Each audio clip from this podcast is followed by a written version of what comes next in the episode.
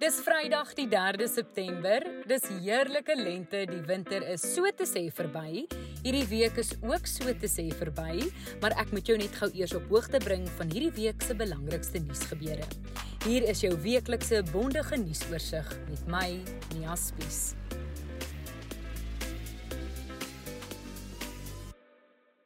Hoofnuus hierdie week is dat 'n nuwe variant van die koronavirus in Suid-Afrika geïdentifiseer is.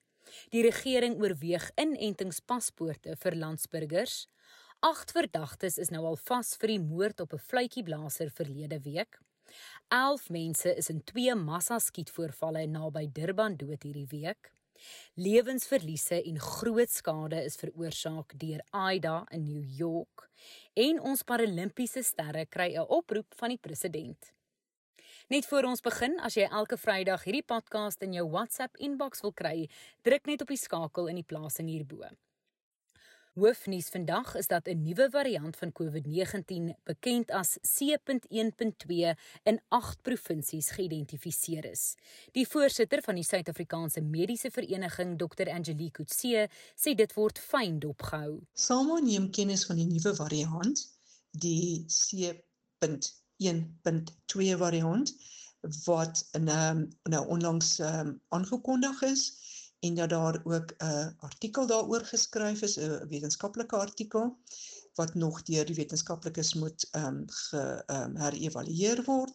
Maar die op hierdie oomblik ehm um, is die gevoel dat hierdie variant nie ehm um, tans enige belang speel in ons siektebeeld nie uh, dit mag dalk vorentoe 'n rol speel. Ehm um, dit daar word wel vir ons uitgewys dat die beta variant as ook die delta variant ook stadig begin het. Ehm um, weer eens Hierdie is net spekulasie of hierdie variant vorentoe vir ons gaan probleme gee en of hy gaan verdwyn. Die pulmonoloog Dr Dante Plekker stem saam. Hierdie uh, nuwe variant is nog nie geklassifiseer as 'n sogenaamde variant of concern nie en ons is sekerlik ook nog nie seker of hierdie variant enigstens meer aansteeklik is of meer skadelik is nie. So dink op hierdie stadium moet almal asseblief net voortgaan om inentings te neem en al die algemene nood, nodige maatreëls toe te pas. Gepraat van inentings, Discovery het die eerste maatskappy hier op eie bodem geword om werknemers te verplig om ingeënt te word. Dit is deur die uitvoerende hoof van Discovery aangekondig en dit beteken dat al 12900 werknemers teen Januarie sal ingeënt moet wees. Dan het die minister in die presidentskap Mondli Gungubele ook na die kabinetsvergadering gesê dat die regering inentingspaspoorte vir landsburgers oorweeg. The issue of vaccine passport is one of the innovative ideas that are going to be attended to as we look at the total package of innovative ideas on how to set the country free. Die regering se doelwit is steeds om 40 miljoen landsburgers teen die einde van die jaar in te ent. Hy het ook bevestig dat die ramptoestand tot 15 Oktober verleng is. Dan net kort in ander gesondheidsnuus, die minister van gesondheid Dr Joe Pahla het aangekondig dat Dr Nicholas Crisp as waarnemende direkteur-generaal van gesondheid aangewys is. Dit nadat daar vrae gevra is oor die direkteur-generaal Sandile Buthelezi se beweerde rol in die Digital Vibes skandaal. Crisp is tans die adjunk-direkteur-generaal van gesondheid en hy is ook aan stuur van die regering se inentingsprogram. Dan het minister Gungubele ook gepraat oor die moord op die senior amptenaar van die Gautengse departement van gesondheid, Babita Dekuran, wat verlede week buite haar huis in Johannesburg doodgeskiet is. Dit word as 'n sluipmoord bestempel. Dekuran was 'n belangrike getuie in 'n ondersoek na die verkryging van persoonlike beskermende toerusting.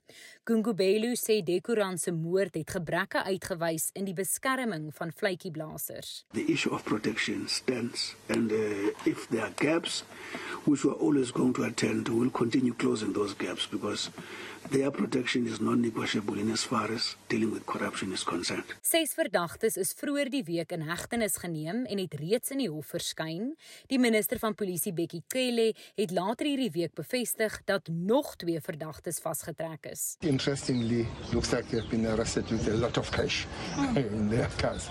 So the story was that uh, that was an expensive exercise where people were getting lot of money each uh, to to to pull the to pull the mission uh, of killing Babita. Dan het minister Bekkie Cele ook gesê dat die polisie hard werk om die moordenaars vas te trek nadat 11 mense onder wie 'n tiener in twee afsonderlike massa skietvoorvalle in 'n informele nedersetting in Umlazi, suid van Durban doodgeskiet is.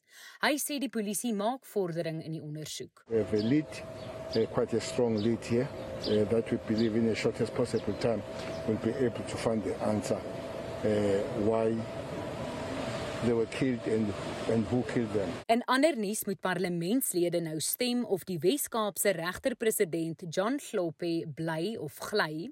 'n Aanbeveling van die regterlike gedragstribunaal dat Sloppe in 'n staat van beskuldiging geplaas moet word, is na die portefeulje komitee oor justisie verwys. Die tribunaal het Sloppe skuldig bevind aan grouwe wangedrag omdat hy in 2008 probeer het om twee regters van die konstitusionele hof te beïnvloed om ten gunste van oud-president Jacob Zuma te beslis. Dan is die groenskrif oor die voorgestelde verpligte nasionale fonds vir maatskaplike sekerheid hierdie week onttrek. So daar was ewige teenkanting teen hierdie groenskrif gewees wat 'n paar weke gelede in die Staatskoerant gepubliseer is. Dit het voorgestel dat alle Suid-Afrikaanse salarisstrekkers tot 12% van hulle inkomste aan hierdie nuwe beleggingsfonds sal moet oorbetaal wat deur die regering bestuur sou word. Daar is geen rede verskaf oor waarom dit nou onttrek is nie. In ander nuus is daar bevestig dat daar nog net een Suid-Afrikaner in Afghanistan se hoofstad Kabul agtergebly het. Die departement van internasionale betrekkinge het gesê hierdie persoon werk in Afghanistan en sal voorlopig daar aanbly. Ter duisende buitelanders, onder meer 35 Suid-Afrikaners en vlugtelinge het Afghanistan ontruim sedert die Taliban se bewindsoorname verlede maand. Intussen het Amerika by die sperdatum gehou om teen 31 Augustus die onttrekking van sy troepe uit Afghanistan af te handel. Hier is Amerika se president Joe Biden. I give my word with all of my heart. I believe this is the right decision, a wise decision, and the best decision for America. Ons bly in die FSA waar 'n noodtoestand in New York en New Jersey afgekondig is na oorstromings wat veroorsaak is na orkaan Ida wat intussen tot 'n tropiese storm afgradeer is. Meer as 17 mense is in hierdie twee deelstate dood toe huise, paaie en selfs moltreinstasies oorstroom het. Die goewerneur van New York, Kathy Hochul. We're still uncovering the true depth of the loss. The human loss which is hard to imagine that people simply in their cars, in their homes, in their basements succumb to a the ravages of a brutal storm. En span Suid-Afrika het nou al 'n paar medaljes ingepalm by die Paralimpiese spele wat tans in Tokio plaasvind.